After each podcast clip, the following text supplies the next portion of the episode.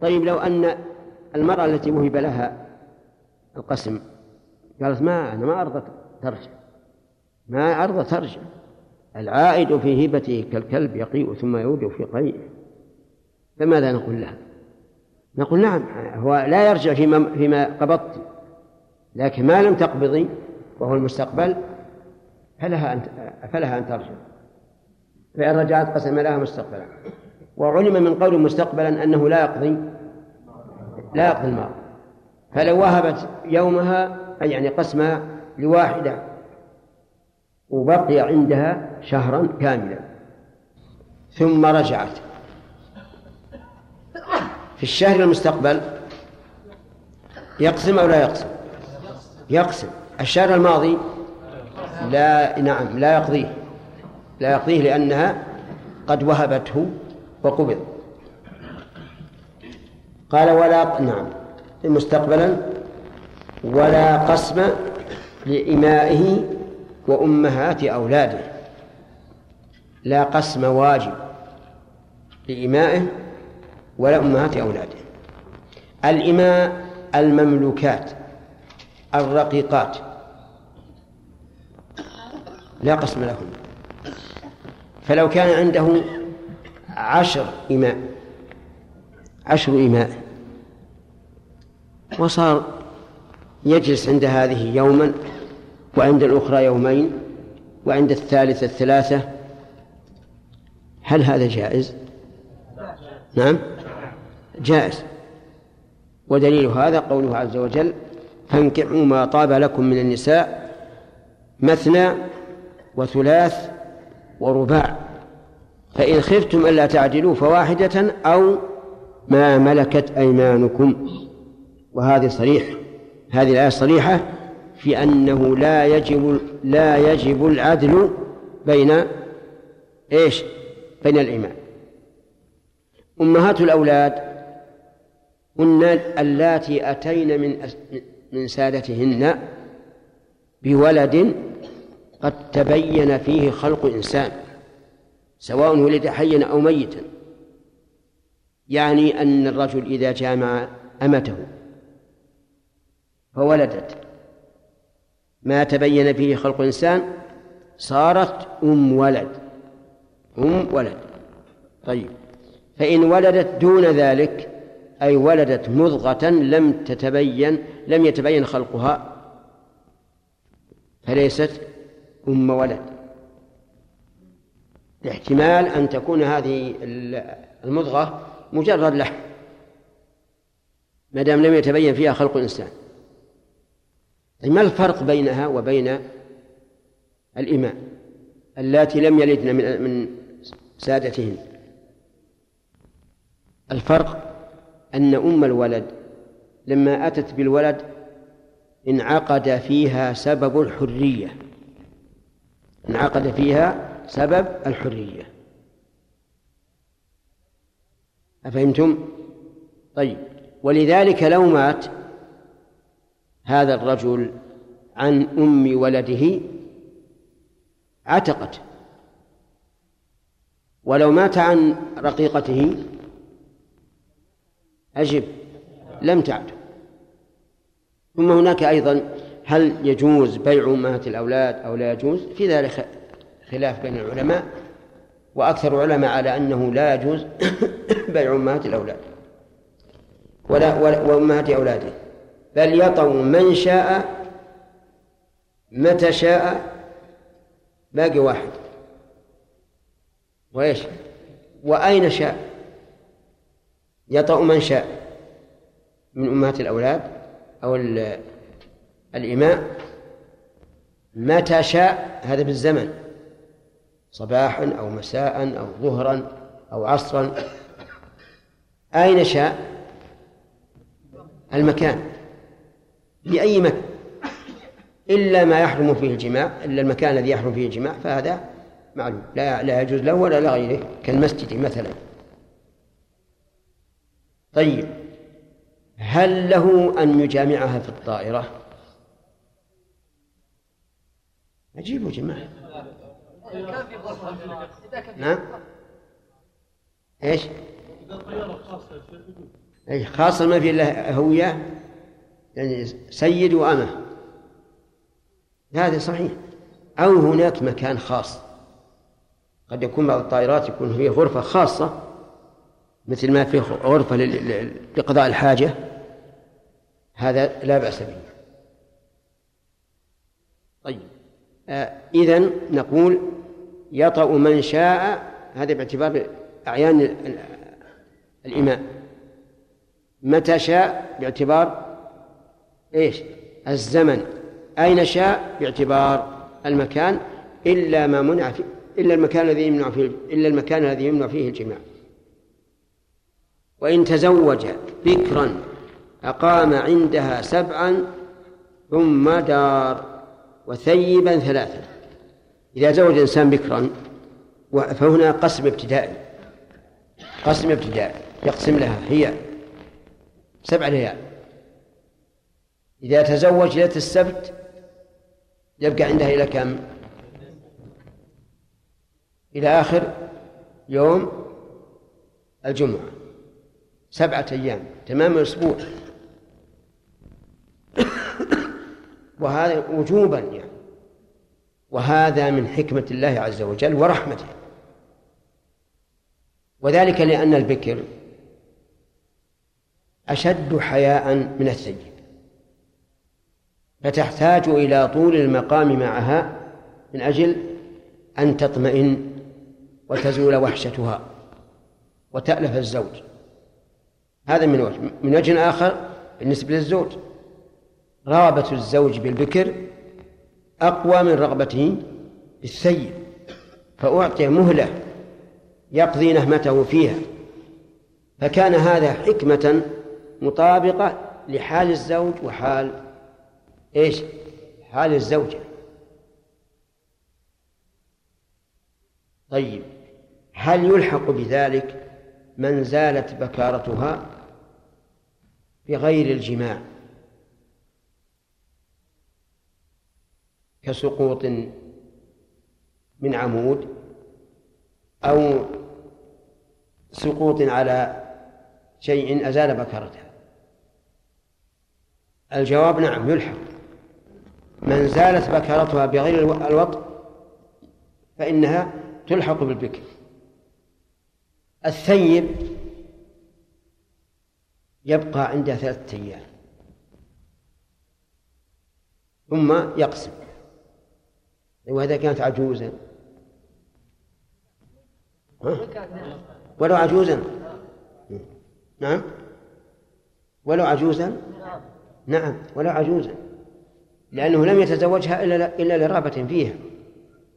إلا لرغبته فيها ولا يكفي أن يبقى ليلة ثم ينصرف. واعتبار الثلاث كثيرا في الشريعة كثير في الشريعة.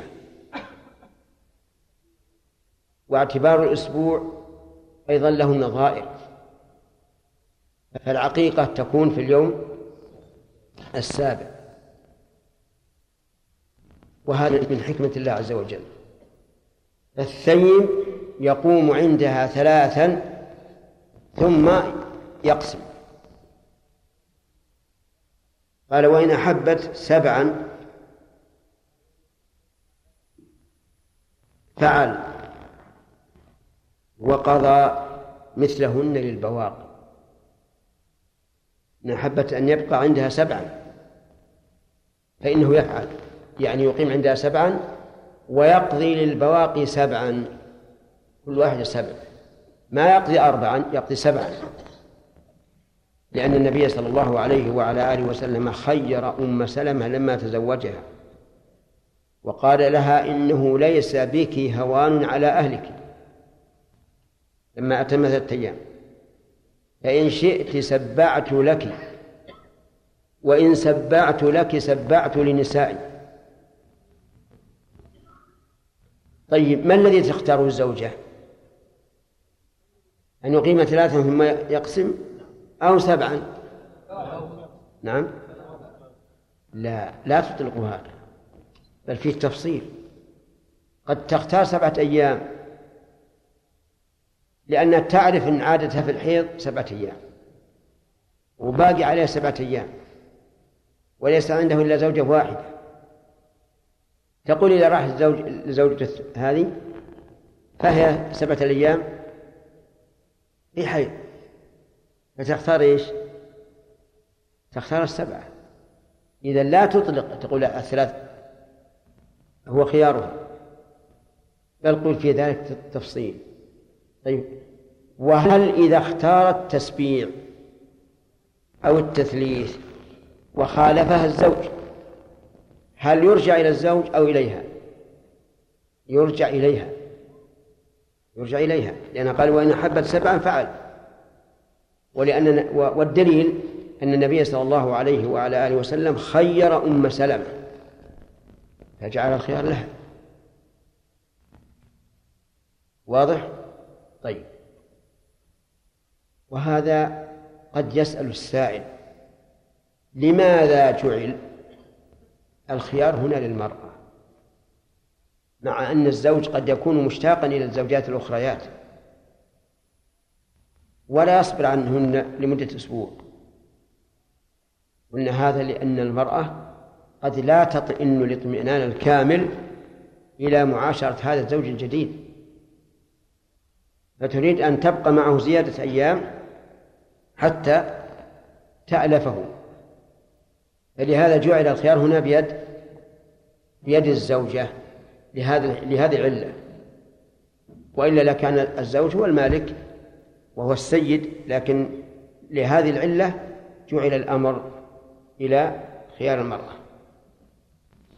ثم قال المؤلف رحمه الله تعالى فصل في النشوز.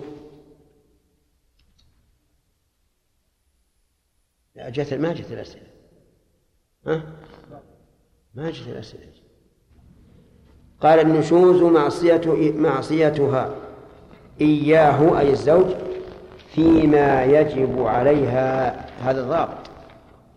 النشوز أصله من النشز وهو الارتفاع. وكان النبي صلى الله عليه وعلى آله وسلم في أسفاره إذا علا نشزا كبر. مناسبة المعنى للمحسوس ظاهرة لأن المرأة تترفع على الزوج وتعصيه فيما يجب عليها. ولهذا قال نعم معصيتها إياه فيما يجب عليها. هذا هو النشوز ولكن لا بد أن نعرف ما يجب عليها. الواجب عليها المعاشرة بالمعروف. فإذا قدر أن الزوج نفسه لا يقوم بواجبها يعني هو ناشز. فهل لها أن تنشز؟ الجواب نعم لها أن تنشز. بدلالة القرآن قال الله عز وجل وإن عاقبتم فعاقبوا بمثل ما عوقبتم به. وقال تعالى فمن اعتدى عليكم فاعتدوا عليه بمثل ما اعتدى عليكم. ولا يمكن أن نرغمها على القيام بحق مع أنه لا يقوم بحقها. طيب. ثم ضرب المؤلف أمثلة لهذا. نعم. آه، فيما يجب عليها. وش بعده؟ ها؟ فإذا ظهر منها أمارات. فإذا ظهر منها أماراته أي, علامات النشوز أي تبين منها بأن لا تجيبه إلى الاستمتاع. يعني طلبها يستمتع بها وقالت لا.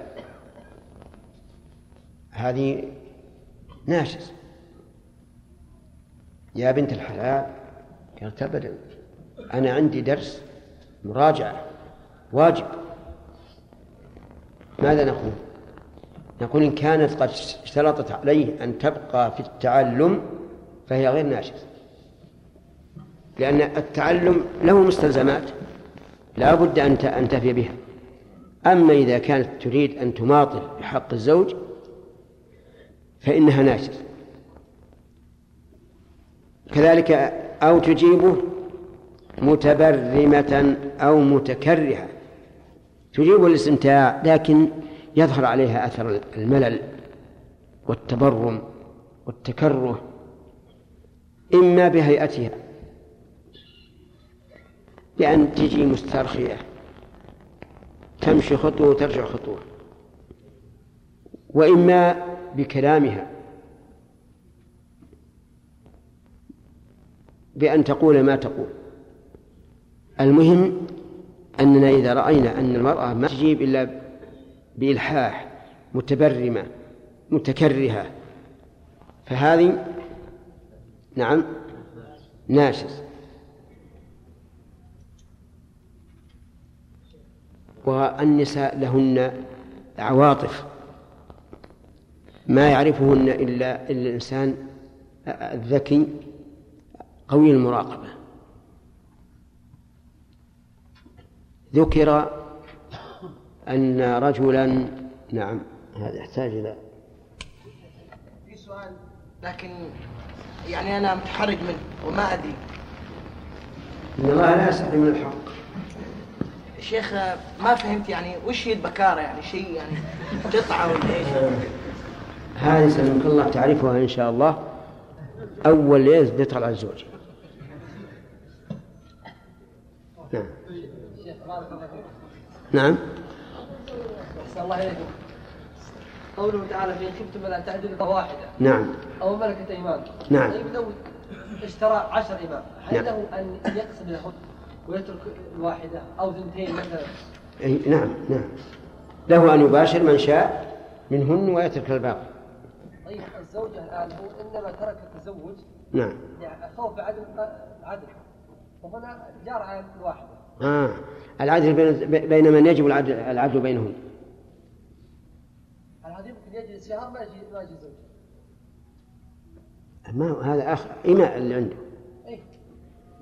الزوجة يأتيها كما قلنا فيما سبق من كل أربعة أيام يوما أو على قول الراجح حسب العرف. طيب لابد. نعم لكن الإماء نعم لا. الإمام ما, ما, ما عليه قسم. ما, ما عليه قسم لهم زين لكن يجلس يتم- يتمتع بالإماء إيه. ليلة وديكم خليه لا ما يخليها. لا ما يخليه.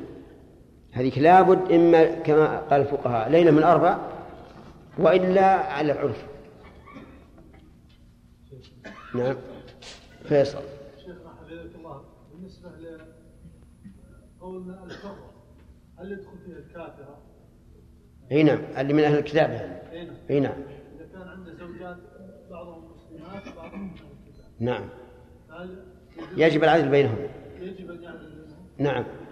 طيب الآن بعض النساء إذا أحست بالحمل حجرت فراش زوجها وقت الحمل كله. اي ما يجوز. ما تستطيع هي. لو أتت تتقيد المعروف إن هذا ما هو بيأتي النساء في كل حمل. يأتيها في آه، الشهر الرابع أو ما قارب تكره الزوج وتكره بعضهم طوال فترة الحمل على كل حال هذا شيء. مثل المرض يجب عليه أن يراعيها. إي نعم. طلع. شيخ الله إليك في هناك عادة في بعض البلاد إذا تزوج الرجل لم يخرج إلى الشارع أسبوع كامل وإذا خرج صار هذه يعني عار في الجميع عادة الناس هذه ما يخرج الشارع؟ ما يخرج حتى صلاة الجماعة ما يخرج. ولا يطلب الرزق. سبحان الله. أي عرف هذا؟ أي بلاد هذه؟ ما أظن هذا. يمكن في بعض بعض بعض القبائل يمكن. على كل حال هذا غلط. ويجب أن يقضى على هذه العادة السيئة. لا سيما أنه ساتر الجماعة مثلا. ما يجوز. نحن عندنا في عرفنا أن الرجل إذا صلى الفجر مع الجماعة ليلة الزواج فهذا يعني أنه أعلن عدم الرغبة في الزوجة. ولهذا يقول لازم تصلي الفجر عند زوجك عند زوجك ولا بيتك. المهم لا تظهر للناس. لكن الحمد لله هذه العادة الآن تكاد يقضى عليها عليها. زالت. لا ابدا الفقهاء رحمهم الله قالوا إن الإنسان يعذر بترك الجماعة إذا كان ينتظر العروس تزف إليه لأن في عادتهم أن المرأة تبقى في في بيتها والزوج يأتي إليها. نعم غلط. الزوج يبقى في بيته ويؤتى بالزوجة إليه ويدخل عليه. لكن هذه هي موجودة. ها؟ موجودة؟ عندكم؟ يعني ال- الزوج يبقى بيته ويؤتي بالزوجة إليه؟ هذا الفقهاء قالوا إذا كان ينتظر الزوجة فهو معذور بترك الجماعة. لكن القول, القول الصحيح أنه غير معذور. بدل ما يقولوا ما الوعد الساعة مثلا واحد ونص يقال الوعد سنتين ونص. ما فيه مشكلة. نعم. هل تجوز للمرأة ها؟ للمرأة هل هل تجوز للمرأة هل يجوز للمرأة الحائض أن تحظى أيام أيام الحيض يعني لأهل؟ إيه لا بأس. إذا رضي الزوج. إذا رضي بهذا الزوج فلا حرج. انتهى الوقت. رحمه رحمه الله تعالى في الفصل الأخير. باب عشرة النساء. فإذا ظهر منها أمارات بأن لا تجيب إلى إلى الاستمتاع بأن لا بأن لا تجيب إلى الاستمتاع منها تجيبه. بأن لا تجيبه إلى الاستمتاع أو تجيبه متبرمة أو متكرهة وعظها فإن أصرت هجر في المضجع ما شاء. بسم الله الرحمن الرحيم. الحمد لله رب العالمين وصلى الله وسلم على نبينا محمد وعلى آله وأصحابه أجمعين. حاصل ما سبق من عشرة النساء أن الواجب على كل من الزوجين أن يعاشر الآخر بالمعروف. ما لم يكن المعروف منكرا في الشرع. فإنه لا يعاشرها عليه. كما لو كانوا في مجتمع يبيحون وطأ النساء في أدبارهن. فإن ذلك لا لا يجوز. لأن ال- الحكم الشرعي مقدم على الحكم العرفي. وكذلك أيضا ينبغي أن يصبر كل من الزوجين على الآخر فيما نقص من حقه لأن النبي صلى الله عليه وعلى آله وسلم حث على ذلك وقال لا يفرك مؤمن مؤمنة إن كره منها خلقا رضي منها خلقا آخر. وأخبر أن النساء خلقن من ضلع وأن أعوج شيء في الضلع أعلاه وأنه إن ذهب الإنسان يقيمها كسرها وهو الطلاق وإن استمتع بها استمتع بها على على عوض. فالمهم أن يكون كل واحد من الزوجين على باله هذا الأمر. ثم إن الصبر على أذى من يعرف خير من من من الدخول فيما فيما لا يعرف. يعني أنت مثلا إذا إذا قدر أنك طلقت المرأة هذه لكراهة شيء فيها هل تضمن أنك تتزوج امرأة تكون خيرا منها؟ نعم. لا. ولهذا قال الحكماء الصبر على ما يعرف خير من استقبال من لا يعرف. وهذه حكمة. يعني لا تقدم رجلا حتى تعرف كيف تخرج. ثم ذكر فصل النشوز. النشوز يكون من الزوج ويكون من الزوجة. من كليهما كما جاء في القرآن. قال الله عز وجل في نشوز الزوج وإن امرأة خافت من بعلها نشوزا أو إعراضا فلا جناح عليهما أن يصلحا بينهما صلحا. على أي وجه كان هذا الصلح؟ حتى بالفراق. والصلح خير. أما نشوز المرأة فقال تعالى واللاتي تخافون نشوزهن فعظوهن واهجروهن في المضاجع. فإن قال قائل إن الله فرق في الحكم بين نشوز الزوج ونشوز الزوجة. نشوز الزوجة أمر ببعضها ونشوز الزوج أمر بالإصلاح. قال لا جناح عليهما أن يصلح بينهما صلحا يعني أنه إذا أصلح فهو خير لأنه قال الصلح خير. فالجواب نعم التفريق حكمة. وذلك لأن لأن الزوج له سلطة على زوجته. فإذا خاف نشوزها فإيش؟ يعظها ويهجرها ويضربها لكن الزوجة ليس لها سلطان على الزوج فما بقي إلا عجيب إلا الإصلاح. ولذلك صار الفرق بين هذا وهذا. المرأة إذا نشزت يقول مالك رحمه الله والنشوز معصية إياه إياه فيما يجب عليها. طيب إذا كان نشوزها ردا لنشوزه بمعنى أنه لم يقم بواجب حقها فأرادت أن لا تقوم بواجب حقه. فهل هي معذورة أو مأزورة؟ الجواب معذورة لأن الله تعالى قال في كتاب العزيز فمن اعتدى عليكم فاعتدوا عليه بمثل ما اعتدى عليكم وقال إن عاقبتم فعاقبوا بمثل ما عوقبتم به ولئن صبرتم لهو خير للصابرين. لكن إذا كان الرجل مستقيما وخاف وظهر منه علامات النشوز بأن لا تجيبه إلى الاستمتاع. يعني إذا طلب منها أن يستمتع بها أبت. قالت عندي شغل. فهذا نشوز. لأن الواجب أن تطيعه إلا إذا كان عليها ضرر. وإذا كان عليها ضرر حرم على الزوج في هذه الحال أن أن يدعوها إلى الاستمتاع. لأنه بين أمرين. إما أن تجيب على وجه يضر, يضر بها أو لا تجيب فتكون عاصية. أو تجيب يعني تجيب إلى الاستمتاع لكن متبرمة أو متكرهة. متبرمة يعني بتثاقل لا بانقياد. متكرهة يظهر منها كلام يدل على كراهيتها لذلك فهذا نزوز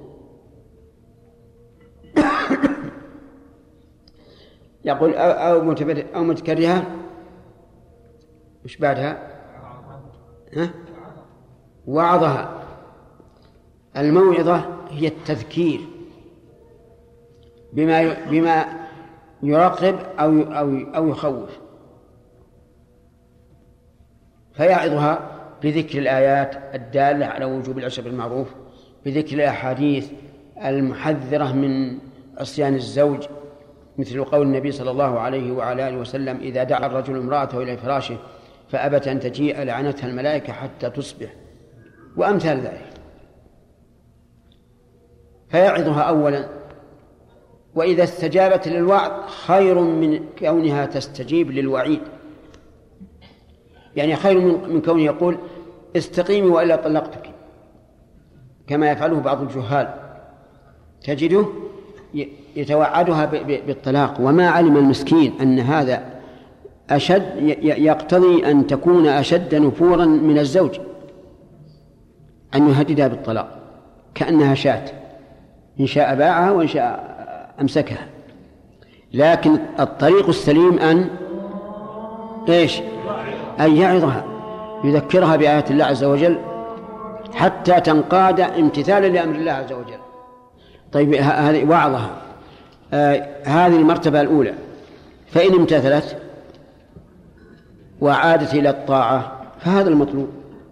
وإلا يقول المؤلف فإن أصرت هجرها في المضجع ما شاء. هجرها أي تركها في المضجع وتركها في المضجع على وجهين بل على ثلاثة. الوجه الأول أن لا ينام في حجرتها. وهذا أشد شيء. الثانية الثاني أن لا ينام على الفراش معها وهذا أهون من الأول. الثالث أن ينام معها في الفراش ولكن يلقيها ظهره ولا يحدثها. وهذا أهونه. كل هذا له. لكن هل يبدأ بالأهون فالأهون؟ الجواب نعم. يبدأ بالأهون فالأهون. لأن ما كان المقصود به المدافعة فالواجب البداءة بالأسهل فالأسهل. كما قلنا في الصائل عليه إنه لا يعمد إلى قتله من أول مرة بل يدافعه بالأسهل فالأسهل فإن لم يندفع إلا بالقتل قتله. إذن الهجر ثلاثة أقسام يا يحيى. نعم. ها؟ الأول وأشدها لا ينام في هجرها في نفس الغرفة. نعم. ألا ينام في غرفتها الثاني؟ الثاني أن ينام في نفس الغرفة لكن ليس على الفراش معها. تمام. في نفس الغرفة وليس على الفراش. الثالث؟ والثالث وهي أخفهم أن ينام معها في نفس- على الفراش ولكن يعطيها ظهرها. تمام. كل هذا هجر.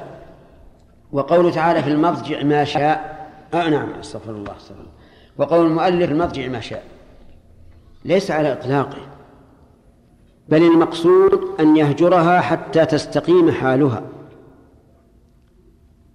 ربما تستقيم حالها في بليلة في ليلة أو ليلتين وربما لا تستقيم إلا بشهر.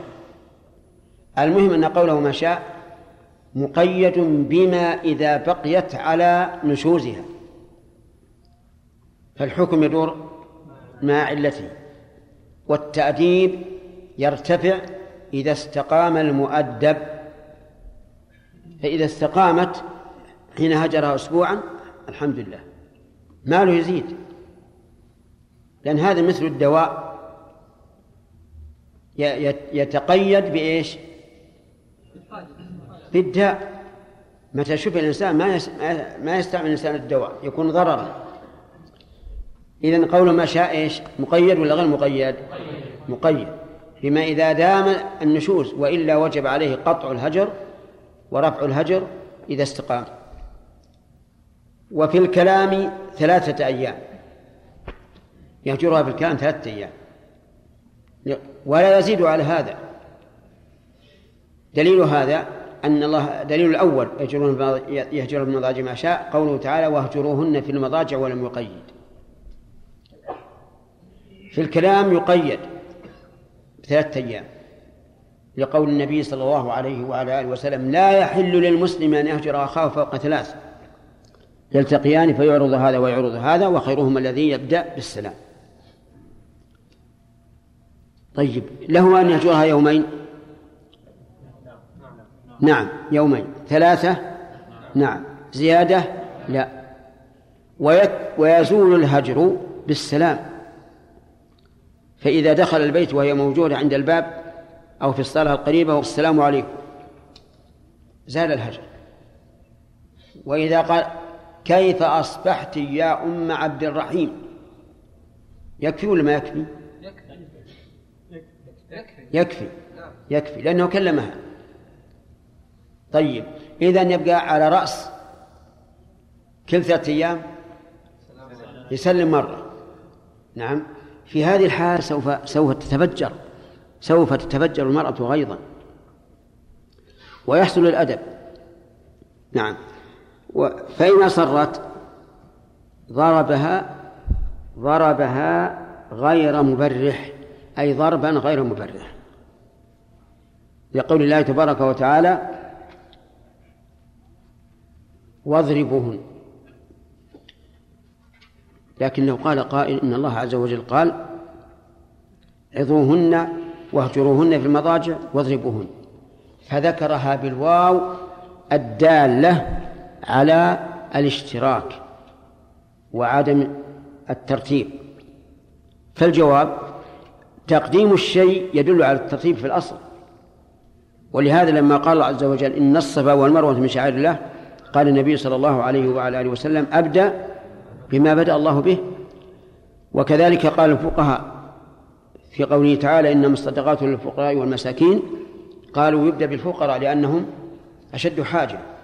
فعليه نقول إن الله وإن ذكر هذه الثلاث المراتب بالواو فإن المعنى يقتضي الترتيب. لأن الواو لا تمنع الترتيب لكنها لا تستلمه فعليه نقول المسألة علاج ودواء. فنبدأ بالخف. الموعظة ثم الهاجر في المضاجع ويضاف إليه الهاجر في المقال. الثالث اضربوهن. الآية مطلقة اضربوهن. لكن النبي صلى الله عليه وعلى آله وسلم قال في حجة الوداع في حق النساء وحق الرجال قال لكم عليهن ألا يطئن أحدكم فرشا تك... نعم ألا يطئن فرشكم أحدا تكرهونه فإن فعلن ذلك فاضربوهن ضربا غير مبرح وإذا كان هذه المسألة الكبيرة تضرب فيه المرأة ضربا غير مبرح فما بالك في النشوز؟ يكون أولى ألا يكون الضرب مبرحا. وعلى هذا فمطلق الآية يقيد بالقياس.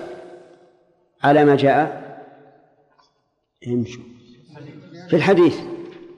فنقول ليس الضرب كما يبي كما يريد.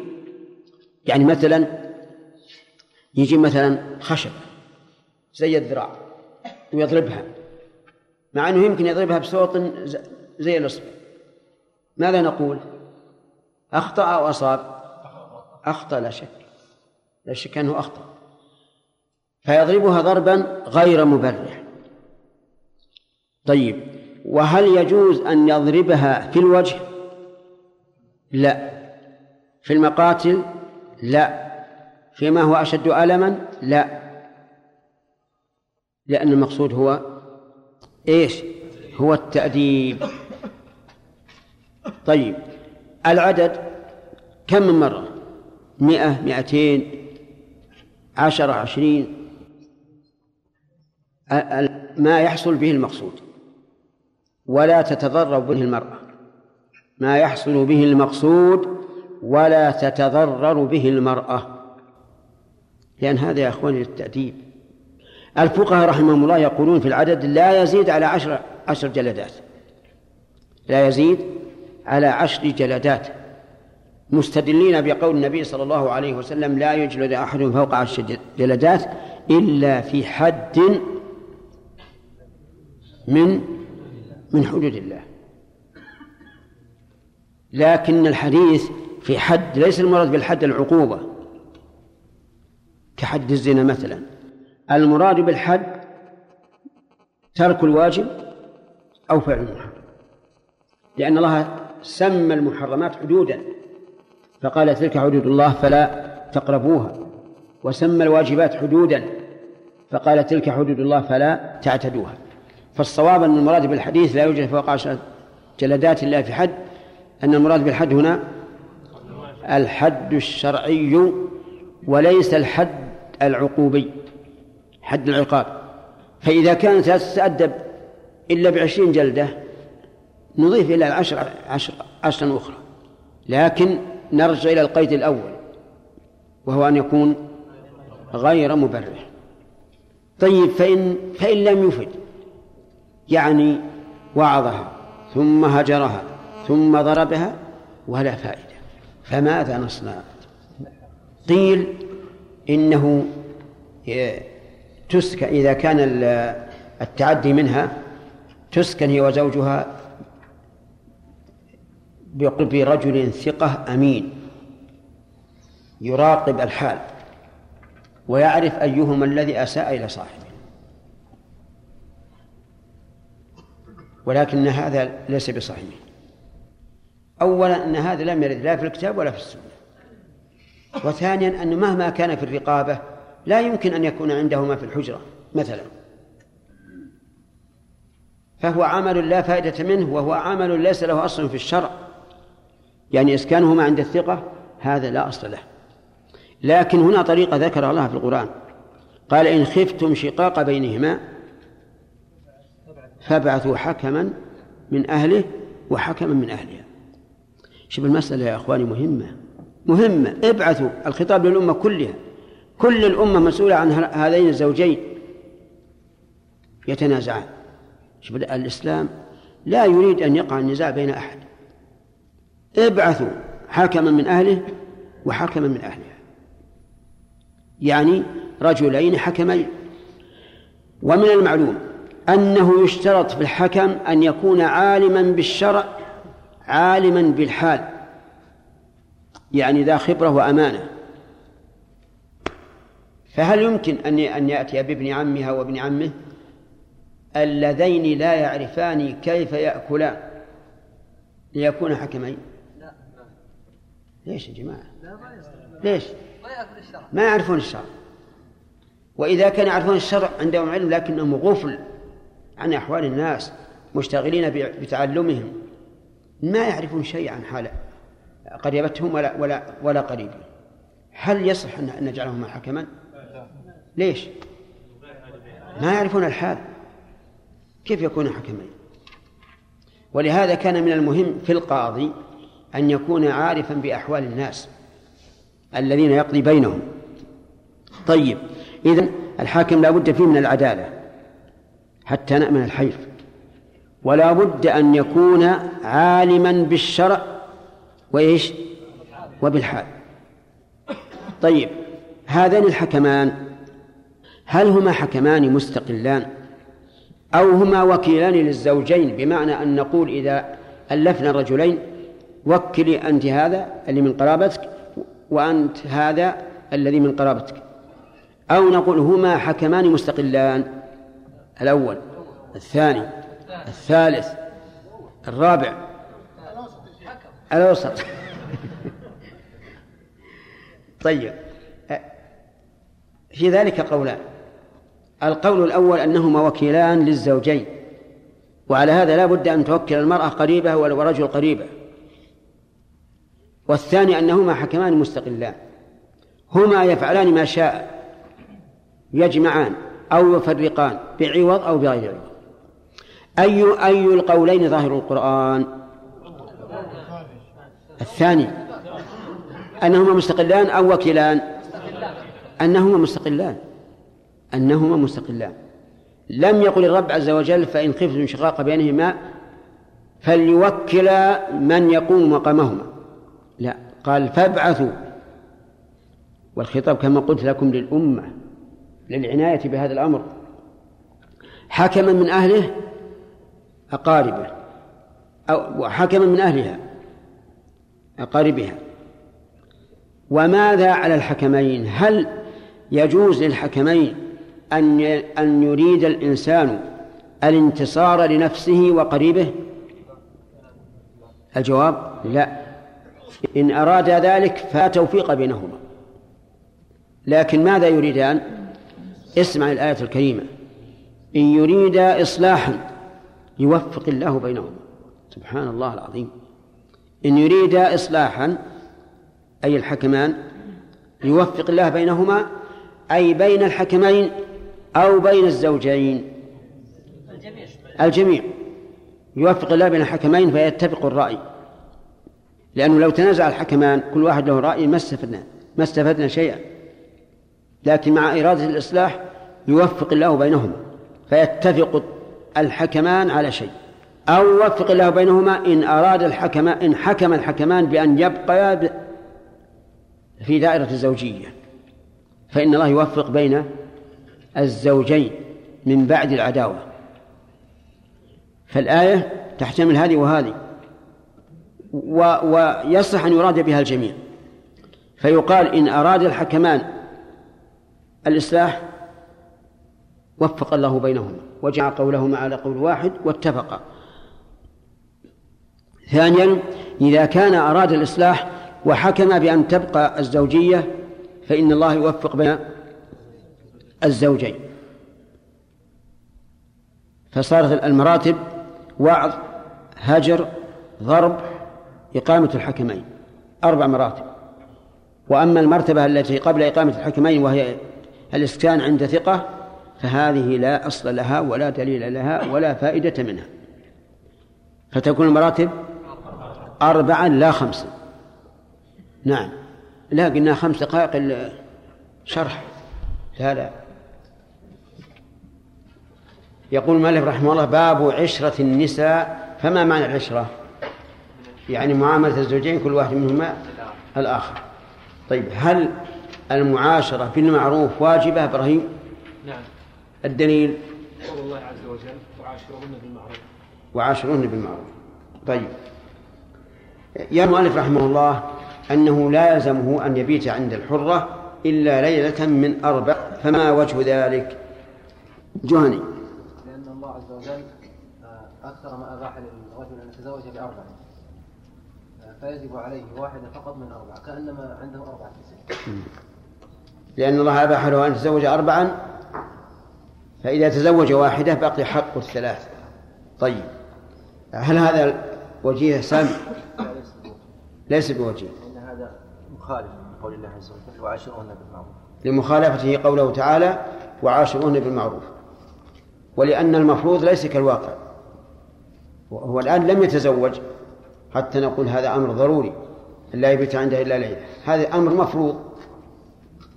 طيب. يرى المؤلف رحمه الله أنه لا يجب على الزوج أن يطأ إلا في كل أربعة أشهر مرة. صلاح. ما لا تقول في هذا الرأي؟ يعني ترى حسب ما حسب ما فيها بالمعروف إيه. مو لازم أخذ يكون أقل من من 14 يعني بالمعروف وهذا يختلف. باختلاف الأحوال واختلاف ال- الزوجين شبابا وشي- وشيبا. طيب ما وجهة هذا النظر؟ أنه أربعة أشهر. يعني ما وجهة هذا الرأي؟ لأن المجاهد أو المشاهد المسافر. لا ما سافر. هذا طيب. نعم. للذي آل من نسائه أربعة أشهر لأن الله حدد للذين يولون من نسائهم أربعة أشهر طيب. آه، كيف نجيب عن هذا يا جمعة؟ يجب عن هذا. أن الإيلاء ليس إيه، هذا القياس لا يصح طيب الآية. الآية في إيه. الإيلاء في الإيلة لما آه، أقسم. ألا يطأ. نعم. فجعل له الشريعة حد إيه، أربعة أشهر. حتى يتراجع. وإلا يطلق عليه. إيه. وأما غير المولي؟ وأما غير المولي لي- ليس هذا الحد. فلا مانع له. لم يقسم حتى نقول فيه مانع. نعم. نقول إن ال- الإيلاء هذا لا يكون إلا في حال الضرورة. فإذا إيه. آه، لا يكون إلا في حال الضرورة. لأن الإيلاء يعني يضرب أربعة أشهر ضرورة لأنه آلة. أما من لم يؤلي فلا فلا حجة له. طيب. قال المؤلف رحمه الله إنه يكره أن يطأ زوجته بمرأة أحد. ماذا تقول في هذا الرأي؟ ليس بصواب. ليس بصواب. لماذا؟ ها؟ سؤال مرة أخرى. أجبت عنه. يكره أن يطأ زوجته بمرأة أحد. المؤلف يرى أنه يكره. وأن الإنسان لو, لو, لو أتى أهله وعنده نساء أو رجال فلا بأس. صواب التحريم. طيب لكن لماذا؟ كلام المؤلف وش حجته؟ لأنه لا يراه معه كيف يرى معه؟ قد ستر قد قد ستر عورتيهما من النار لكن سبحان الله العظيم يش- يشاف الرجال راكب مع المرأة ونقول مكروه طيب ما رأيك أنت التحريم ولا ولا الكراهة؟ تحريم التحريم ما هو الدليل؟ لأن النبي عليه الصلاة والسلام قال إن من شر الناس منزلة عند الله يوم القيامة الرجل يفضي إلى المرأة وتفضي إليه ثم ينشر سره إن من شر الناس منزلة عند الله يوم القيامة الرجل يفضي المرأة وتفضي إليه ثم ينشر سره نعم ثم يشهد سره. فإذا كان الكلام أو وصف هذا الجماع محرم فمن باب أولى أن يرى. إيه، بارك الله فيك. صحيح. وعلى هذا نقول التحدث به كلام المؤلف يرى أنه مكروه. نقول هذا محرم محرم. وهذا إذا تحدث فيما جرى بينه وبين زوجته. أما لو كان يتحدث عن صفة الجماع مثلا وأن الأولى أن يكون كذا أو كذا فهذا لا بأس به. وقد يكون من المصلحة إذا كان يريد أن يعلم إنسان يتزوج لم يتزوج من قبل ويقول افعل كذا افعل كذا وجهه. تمام؟ ما لم يظن أنه يتحدث عنها لا لا لا هو ما تحدث عن المرأة أبدا. قال الذي ينبغي مثلا إذا حصل آه، الدخول أن تفعل كذا وتفعل كذا ويذكر له. طيب يا هل يجوز للرجل أن يمنع زوجته من إرضاع ولدها من غيره؟ نعم. نعم. يجوز أن يمنع. طيب أرأيت لو شرط عليه أن ترضع ولدها من غيره؟ نعم. لا يجوز أن يمنع لأنه شرط على العقل. لا يجوز لأنه شرط عليه. صحيح. وإنما جاز منعها لأن هذا قد يؤدي إلى تضييع حقه. آه، ذكرنا أنه يجب عليه أن يسوي بين زوجاته خالد يسوي بين زوجاته في إيش؟ على المذهب. في القسم. دون النفقة ولا ولا إيش؟ في القسم والنفقة. الواجبة أو حتى الزائدة عن الواجب لا زائدة إيه. واجبة. يعطي كل واحدة ما تحتاج طيب هذه. لكن غير واجبة هل يجب أن يسوي أو لا؟ الزائدة نعم يجب أن يسوي. هذا هو القول الراجح. المذهب؟ لا يسوي إلا في النفقة الواجبة. إلا في النفقة الواجبة. ولكن هذا قول ضعيف. يعني مثلا النفقة الواجبة أن يأتي بال بالغداء خبز ولبن وتمر. وفي العشاء رز ولحم. هذا الواجب. يقول إذا ساوى بينهما في ذلك فإذا أعطى إحداهما زيادة فلا حرج. وكذلك في اللباس درع وخمار وملحفة وأعطى الأخرى زيادة يقولون لا بأس. فما مدى صحة هذا القول؟ قل يا جلال. غير صحيح غير صحيح. على طول وش الدليل إن هذا يعني الآن زاد مال إلى احدهما بهذا إن قال مثلا للأخرى أنا ما قصرت عليك. الشيء الواجب لكن خلاف العدل أنا أقول أين الدليل. نعم. تعدلوا فدلت الأيمان أنه يجب عليه العدل بين أيوة العدل الواجب. الت- التطوع لا. عموم الآية إيه. وعموم الأمر بالمعاشرة بالمعروف إيه. لأن ضرتها من سمعت بأنها بأنه ينفق على ضرتها أكثر رضى ذلك. إيه. نعم. قول النبي صلى الله عليه وسلم لما كانت له زوجتان فمال إلى أحدهما إلى إحداهما. إلى إحداهما. ترى أحدهما ما هي فائدة؟ طلع عرفت؟ الفرق يا شيخ. الفرق واضح. عجيب. أحدهما للرجال. وإحداهما للنساء. طيب. فمال إلى إحداهما. جاء يوم القيامة وشكه مائل. طيب. وهذا يصدق عليه أنه مال أنه مال طيب هذا هو الراجح. طيب. هل يجب عليه أن يعدل بينهما بالجماع آدم؟ لا يجب لا, لا حول ولا قوة إلا بالله. كذا. يعني يجي أن يأتي الو- الواحدة مثلا كلما ما- نام عندها والأخرى بعد شهر أو شهرين. على حسب يعني ثوران شهوته إيه. حسب شهوته لكن إذا صار يجمع ذيك وذي. لا هذا يحرم لأنه متقصد. إيه تمام. نعم نقول إذا كان يمكنه العدل في الجماع وجب. وإذا كان لا يمكنه لم يجب. صحيح. المرأة إذا نشزت قلنا إن لها أحوالا. يحيى. أول الوعظ.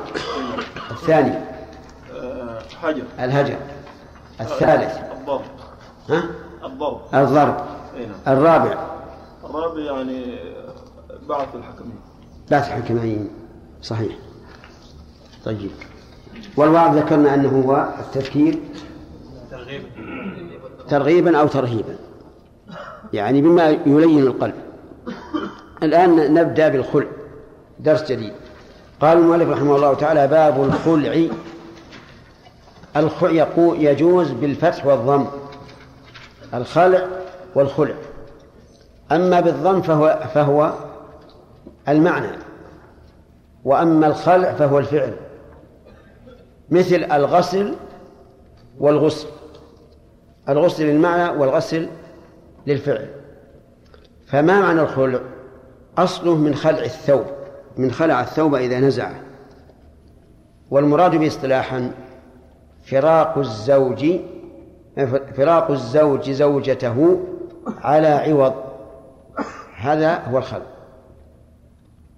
فراق الزوج زوجته على على عوض. وهل له ألفاظ معلومة أو يصح بكل لفظ. المذهب له ألفاظ معلومة. لفظ الخلع أو الفداء أو الفسخ أو ما أشبه ذلك. فإن وقع بلفظ الطلاق صار طلاقا. واختار شيخ الإسلام رحمه الله أنه ليس له ألفاظ معلومة. لأن المقصود به هو فداء المرأة نفسها من زوجها. فداء المرأة نفسها من زوجها. وعلى هذا فكل لفظ يدل على الفراق بالعوض فهو خلع. حتى لو وقع بلفظ الطلاق قال طلقت زوجتي على عوض قدره ألف ريال. نقول هذا هذا خلع.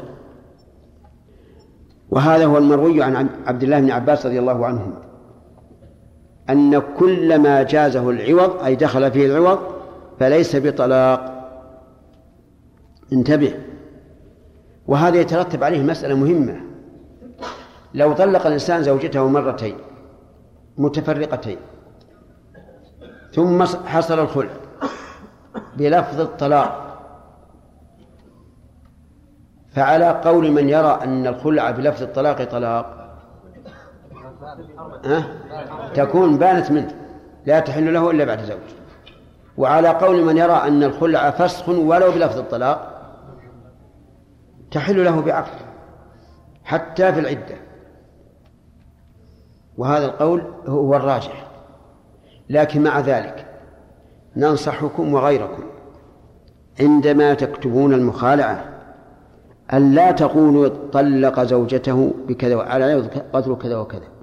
قولوا خالع زوجته على عوض قدره كذا وكذا لأن أكثر الحكام عندنا وأظن حتى عند غيرنا يرون أن الخلع إذا وقع بلفظ الطلاق صار طلاقا ويكون في هذا ضرر على المرأة.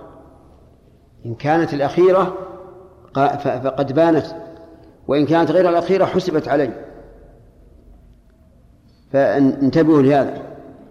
أكثر الناس الذين يكتبون مثل هذه الأشياء لا يدرون. طلق زوجته بعوض قدره كذا وكذا.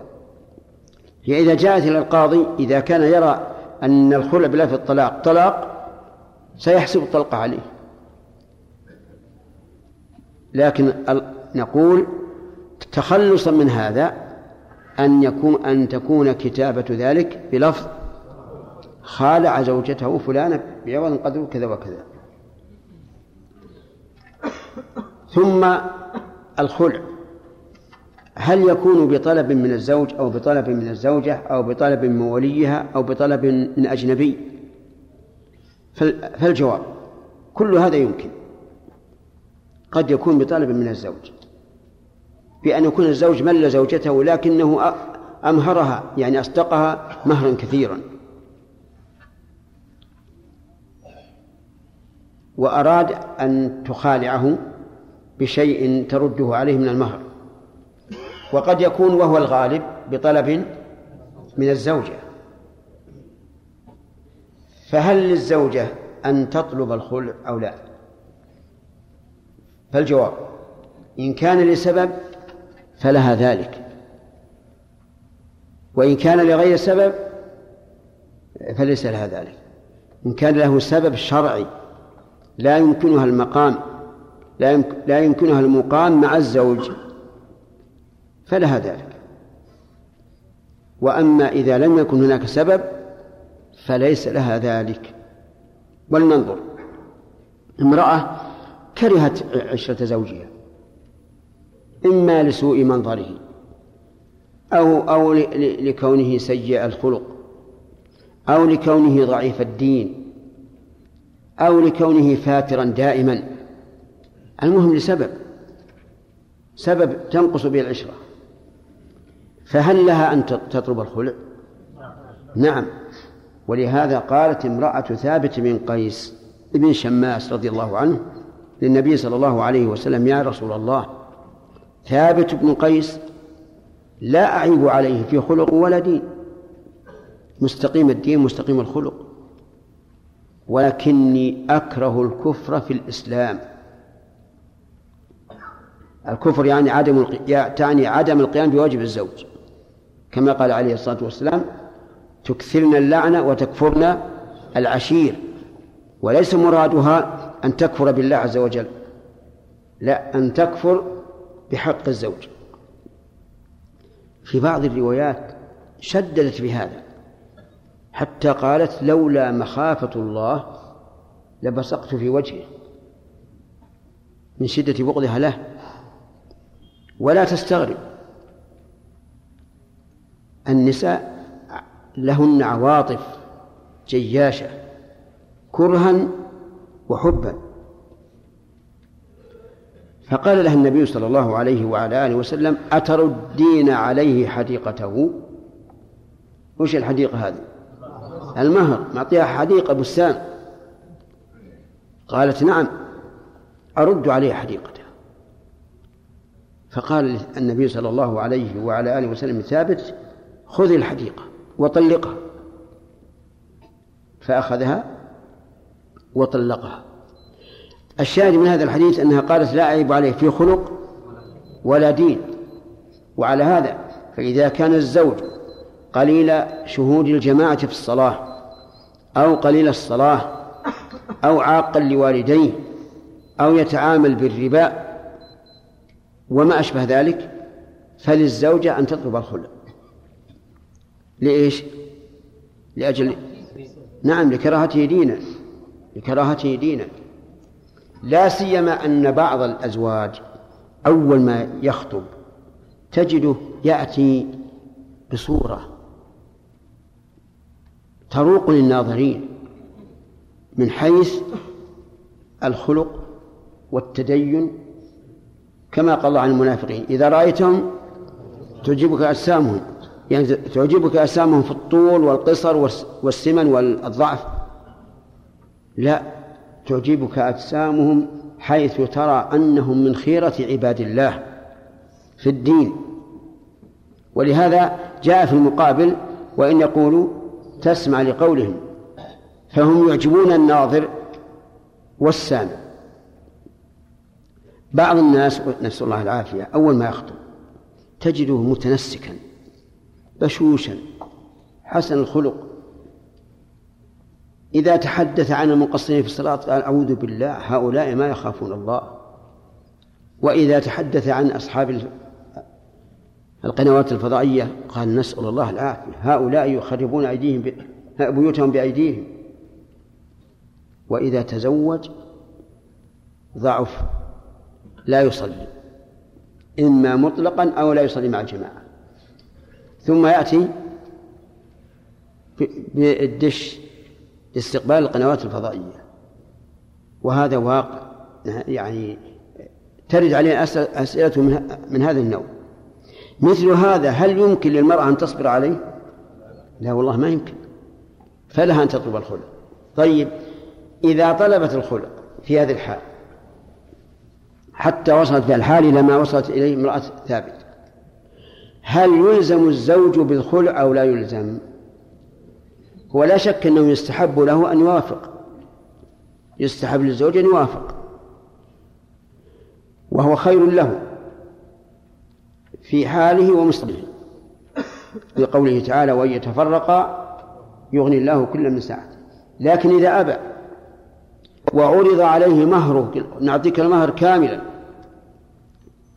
نعم. هل يلزم بذلك أو لا؟ اختلف العلماء في هذه المسألة. أكثرهم يقول لا يلزم. هو زوج بيده الأمر. والقول الراجح أنه يلزم. إذا قالت الزوجة أنا ما عندي مانع أعطيه مهره وإن شاء أعطيته أكثر. فإنه يلزم. لأن بقاءها معه على هذه الحال شقاء له ولها. وتفرق. والشارع يمنع كل ما يحدث البغضاء والعداوة. يمنعه منعا. أرأيتم البيع على بيع المسلم؟ حكمه. حرام.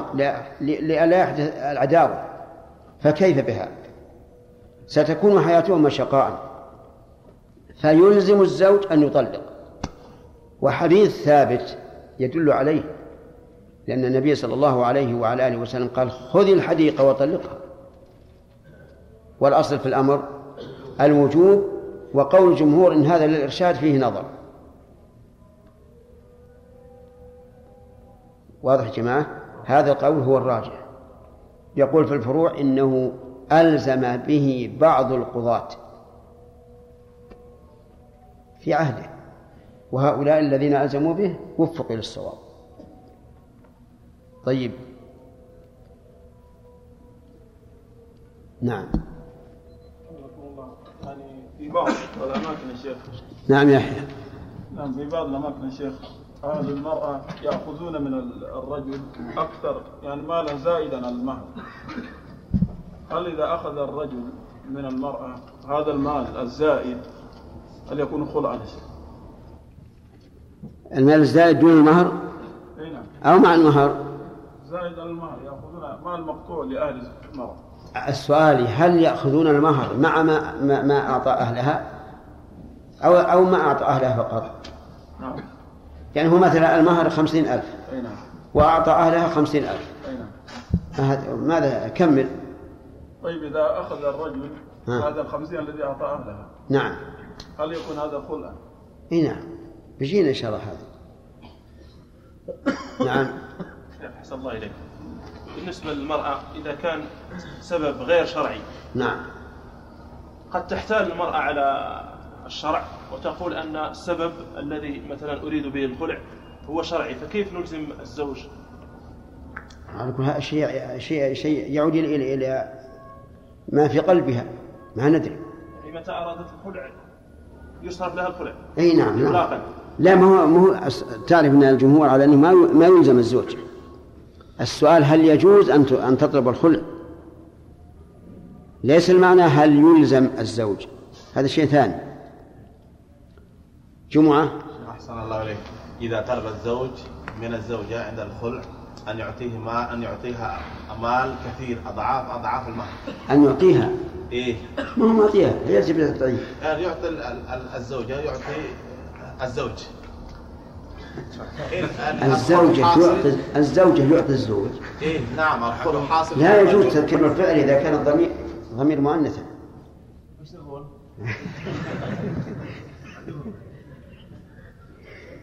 يعني قل إذا طلب الزوج في عوض الخلع أكثر مما أعطاها أضعافا كثيرة.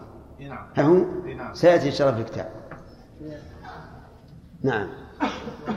بعض العلماء يقول للزوج أن يهجر امرأته امرأته. إن الزوج له أن يهجر امرأته. له أن؟ أن يهجر امرأته. نعم. الكلام أكثر من ثلاثة أيام. نعم. وأما الحديث الذي أبي هريرة لا يخلو الرجل. هذا في المصالح الدينية. نعم؟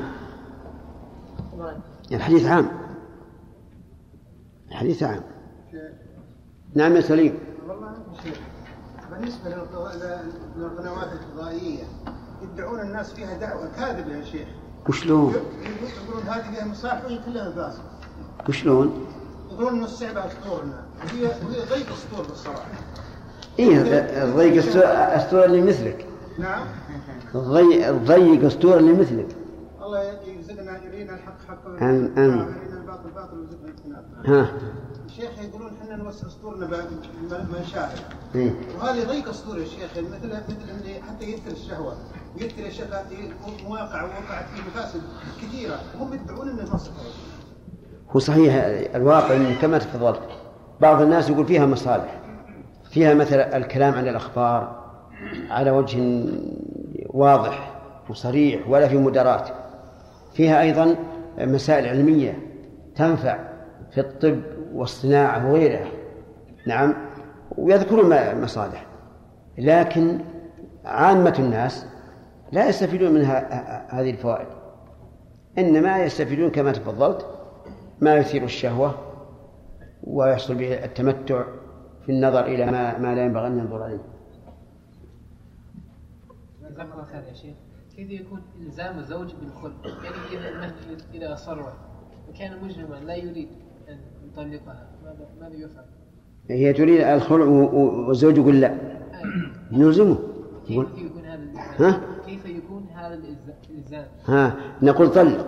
خالع الزوجة. خالع الزوجة. فإن أبى خالع آه، القاضي. خلعها القاضي وقال له متى ما شئت أعطيناك العوض نعم أحسن الله إليك يا شيخ. لو رأى الرجل أن في الخلع مثل المفسدة شتت الأسرة والأولاد هل هذا يلزم أيضا؟ هذا هذا ينظر. إذا كان يترتب على هذه المفاسد يشار على الزوجة أن لا تفعل. سم. بسم الله الرحمن الرحيم. الحمد لله والصلاة والسلام على رسول الله. قال المصنف رحمه الله رحمه الله تعالى في كتاب النكاح في باب الخلع لا ما تقول في النكاح باب الخلق. باب الخلع فإذا كرهت خلق زوجها أو خلقه أو نقص دينه أو خافت إثما بترك حقه أبيح الخلع وإلا كره ووقع. فإن عضلها ظلما للابتداء ولم يكن لزناها أو نشوزها أو تركها فرضا ففعل أو خالعت الصغيرة والمجنونة والسفيهة أو الأمة بغير إذن سيدها لم يصح الخلع ووقع الطلاق رجعيا. ووقع الطلاق رجعيا إن كان بلفظ الطلاق أو نيته. بسم الله الرحمن الرحيم. آه، سبق لنا أنه يقال الخلع والخلع. ما الفرق بينهما؟ فضل إذا قلنا بالضم المراد المعنى وإذا قلنا بالفتح المراد نفس الفعل. مثل الغسل والغسل. طيب. الخلع. الخلع فعل الخلع. آه. معنى الخلع إيه. الخلع مصدر خلع يخلع خلع. والخلع المعنى. طيب فما هو اصطلاحا؟ وفراق الزوج زوجته على عوض بأي لفظ ولا بألفاظ معلومة؟ أما المذهب فله ألفاظ معلومة كالخلع والفداء. نعم. وقع بصيغة الطلاق فهو طلاق. وذهب شيخ الإسلام رحمه الله كما ذكرتم شيخنا. في شك عندك؟ أقول عندك شك؟ كيف تقول كما ذكرت؟ أخبار. ما دام مقتنع إن إن إن- خبري صحيح. كيف تقول كما ذكرت؟ ما يتوهم أحد توهم مني إيش؟ ما يتوهم أحد الكلام هذا من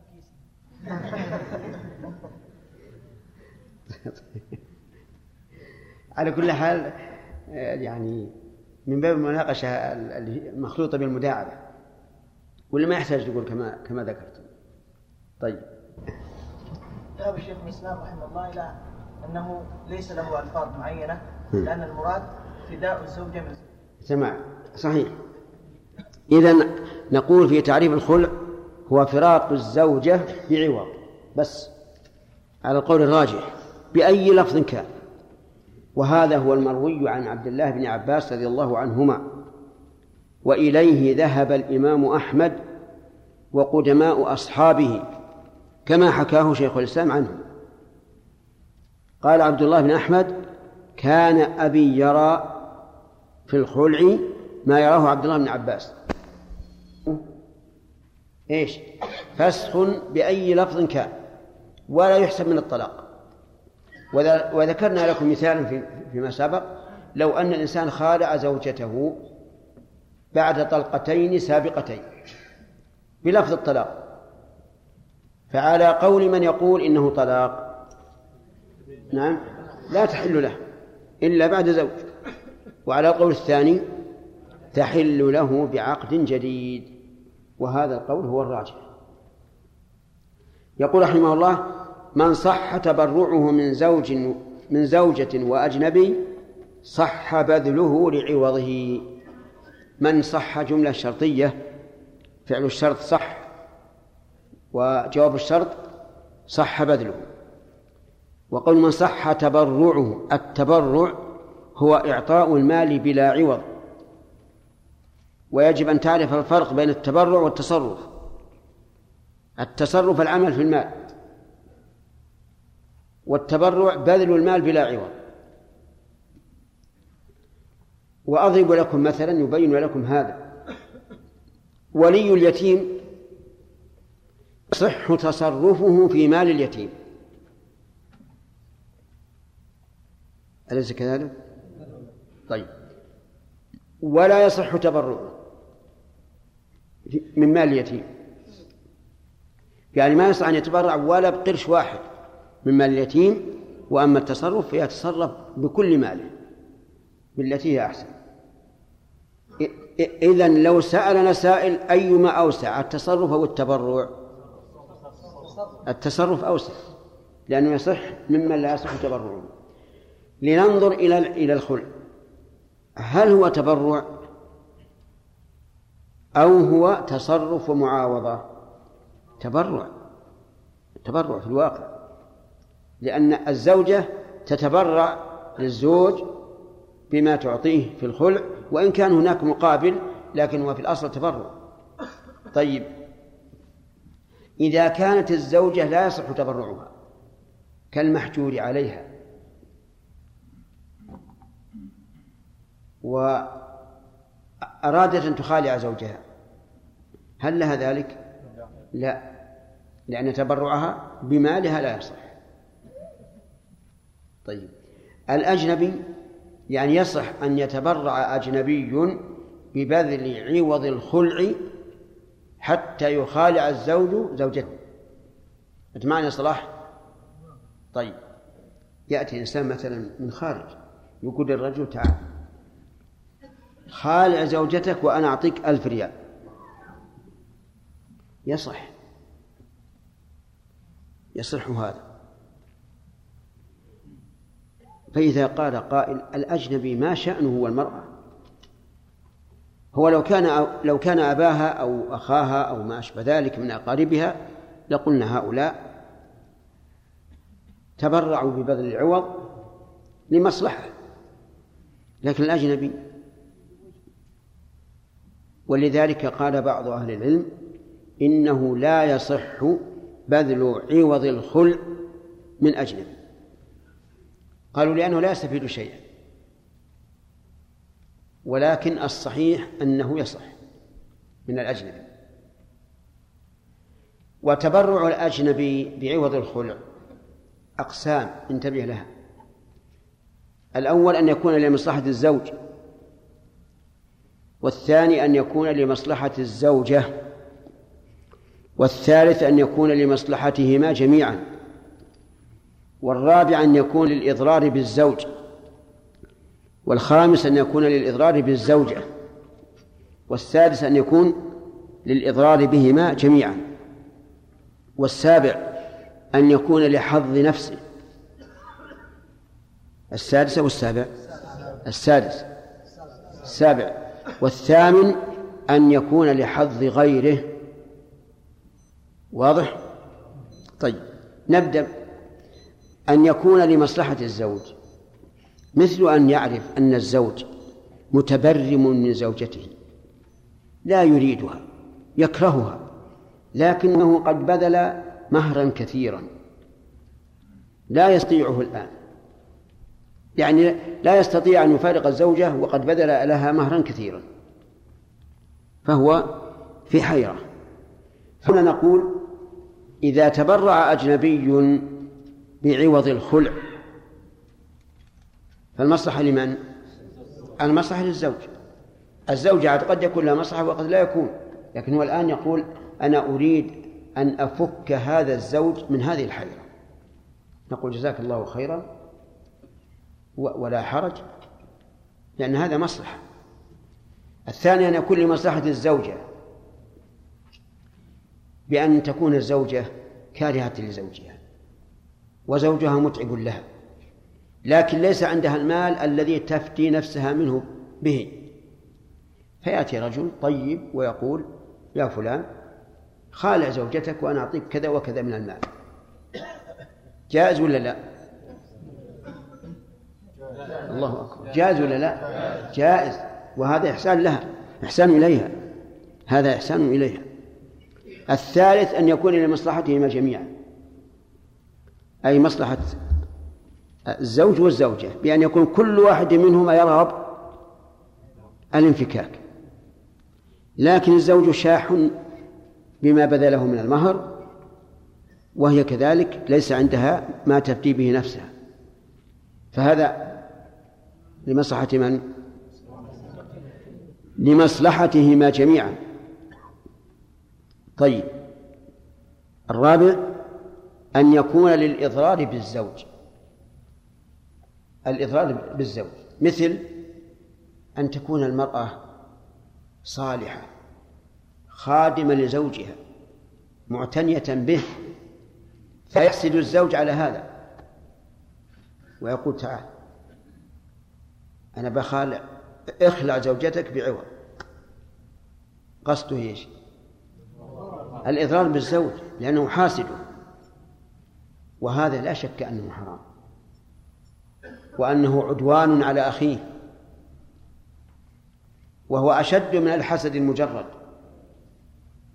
والحسد من الكبائر. فإذا قال قائل أليس الأمر بيد الزوج وأنه أي الزوجة يستطيع أن يقول لا؟ ما نمخالف لو تعطينا الدنيا كلها. فالجواب الجواب بلى. لكن الإنسان قد يخدع ويغرى بالمال. يقول تعال خالع الزوجة أنا بعطيك سيارة كدلك وبعطيك مئة ألف ريال وبعطيك قصر انظر إليه.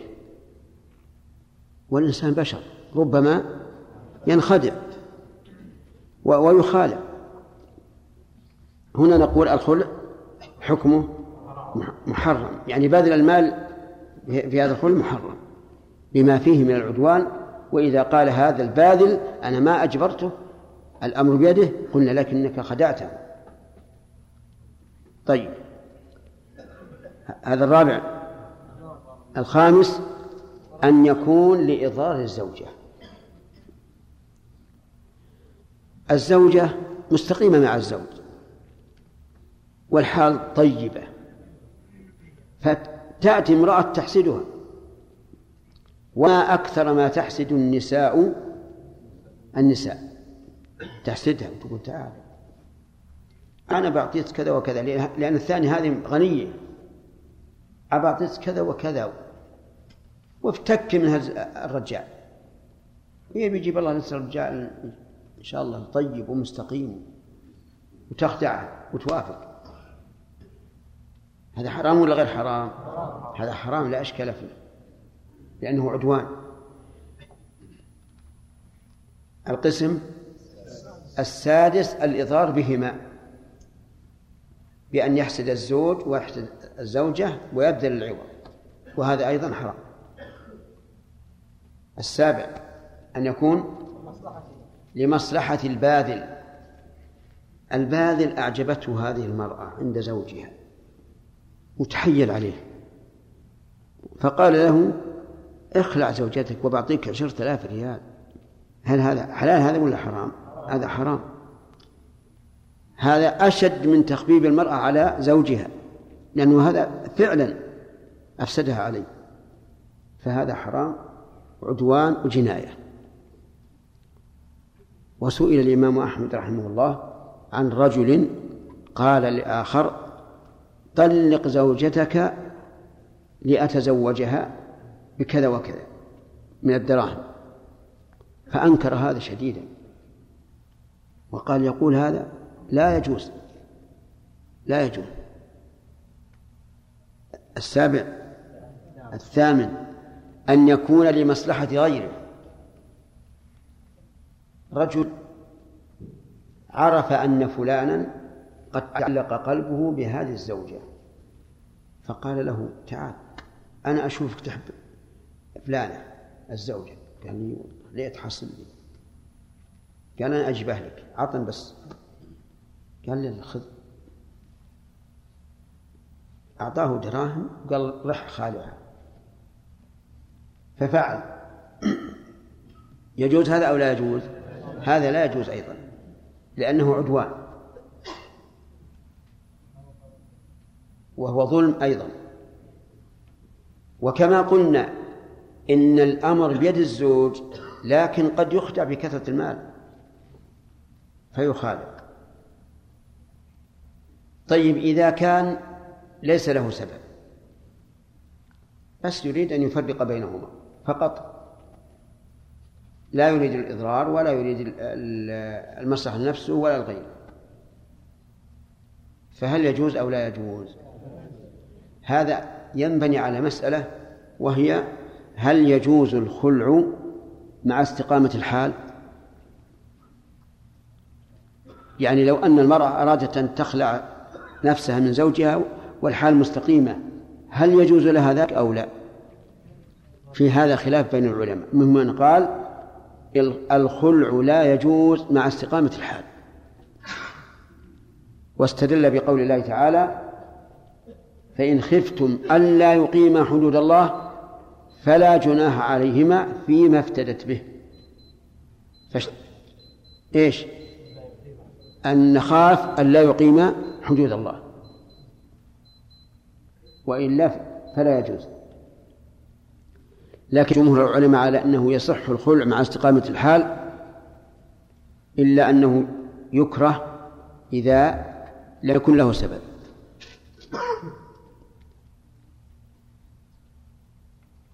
قال المؤلف نعم من زوجة وأجنبي. صح بذله لعوضه. بذله لعوض عوض الضمير يعود على على إيش؟ على عوض الخلع.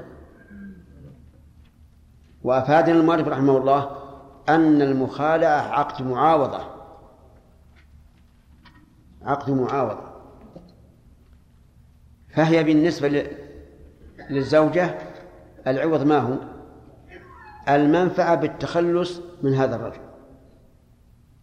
بالنسبة للزوج المال المدفوع له. وهل يجوز أن تجعل عوض الخلع غير مال كخدمته مثلا؟ أو لا يجوز؟ الصحيح أنه جائز. إلا إذا كان العوض محرما فهذا لا يجوز. صح بذله لعوضه ثم ذكر المؤلف أسباب الخلع فإذا كرهت المرأة خلق زوجها أو خلقه ها؟ كيف؟ ارفع صوتكم كيف؟ كل واحد سواء قدمت الخلق أو الخلق المهم إذا كرهت المرأة خلق زوجها. بأي نوع من الأنواع؟ سواء كان هذا الخلق الذي كرهته حادثا بعد العقد أو كان قبل العقد وظنت أنها ستصبر على هذه الخلقة السيئة ثم بدا لها أن لا تصبر.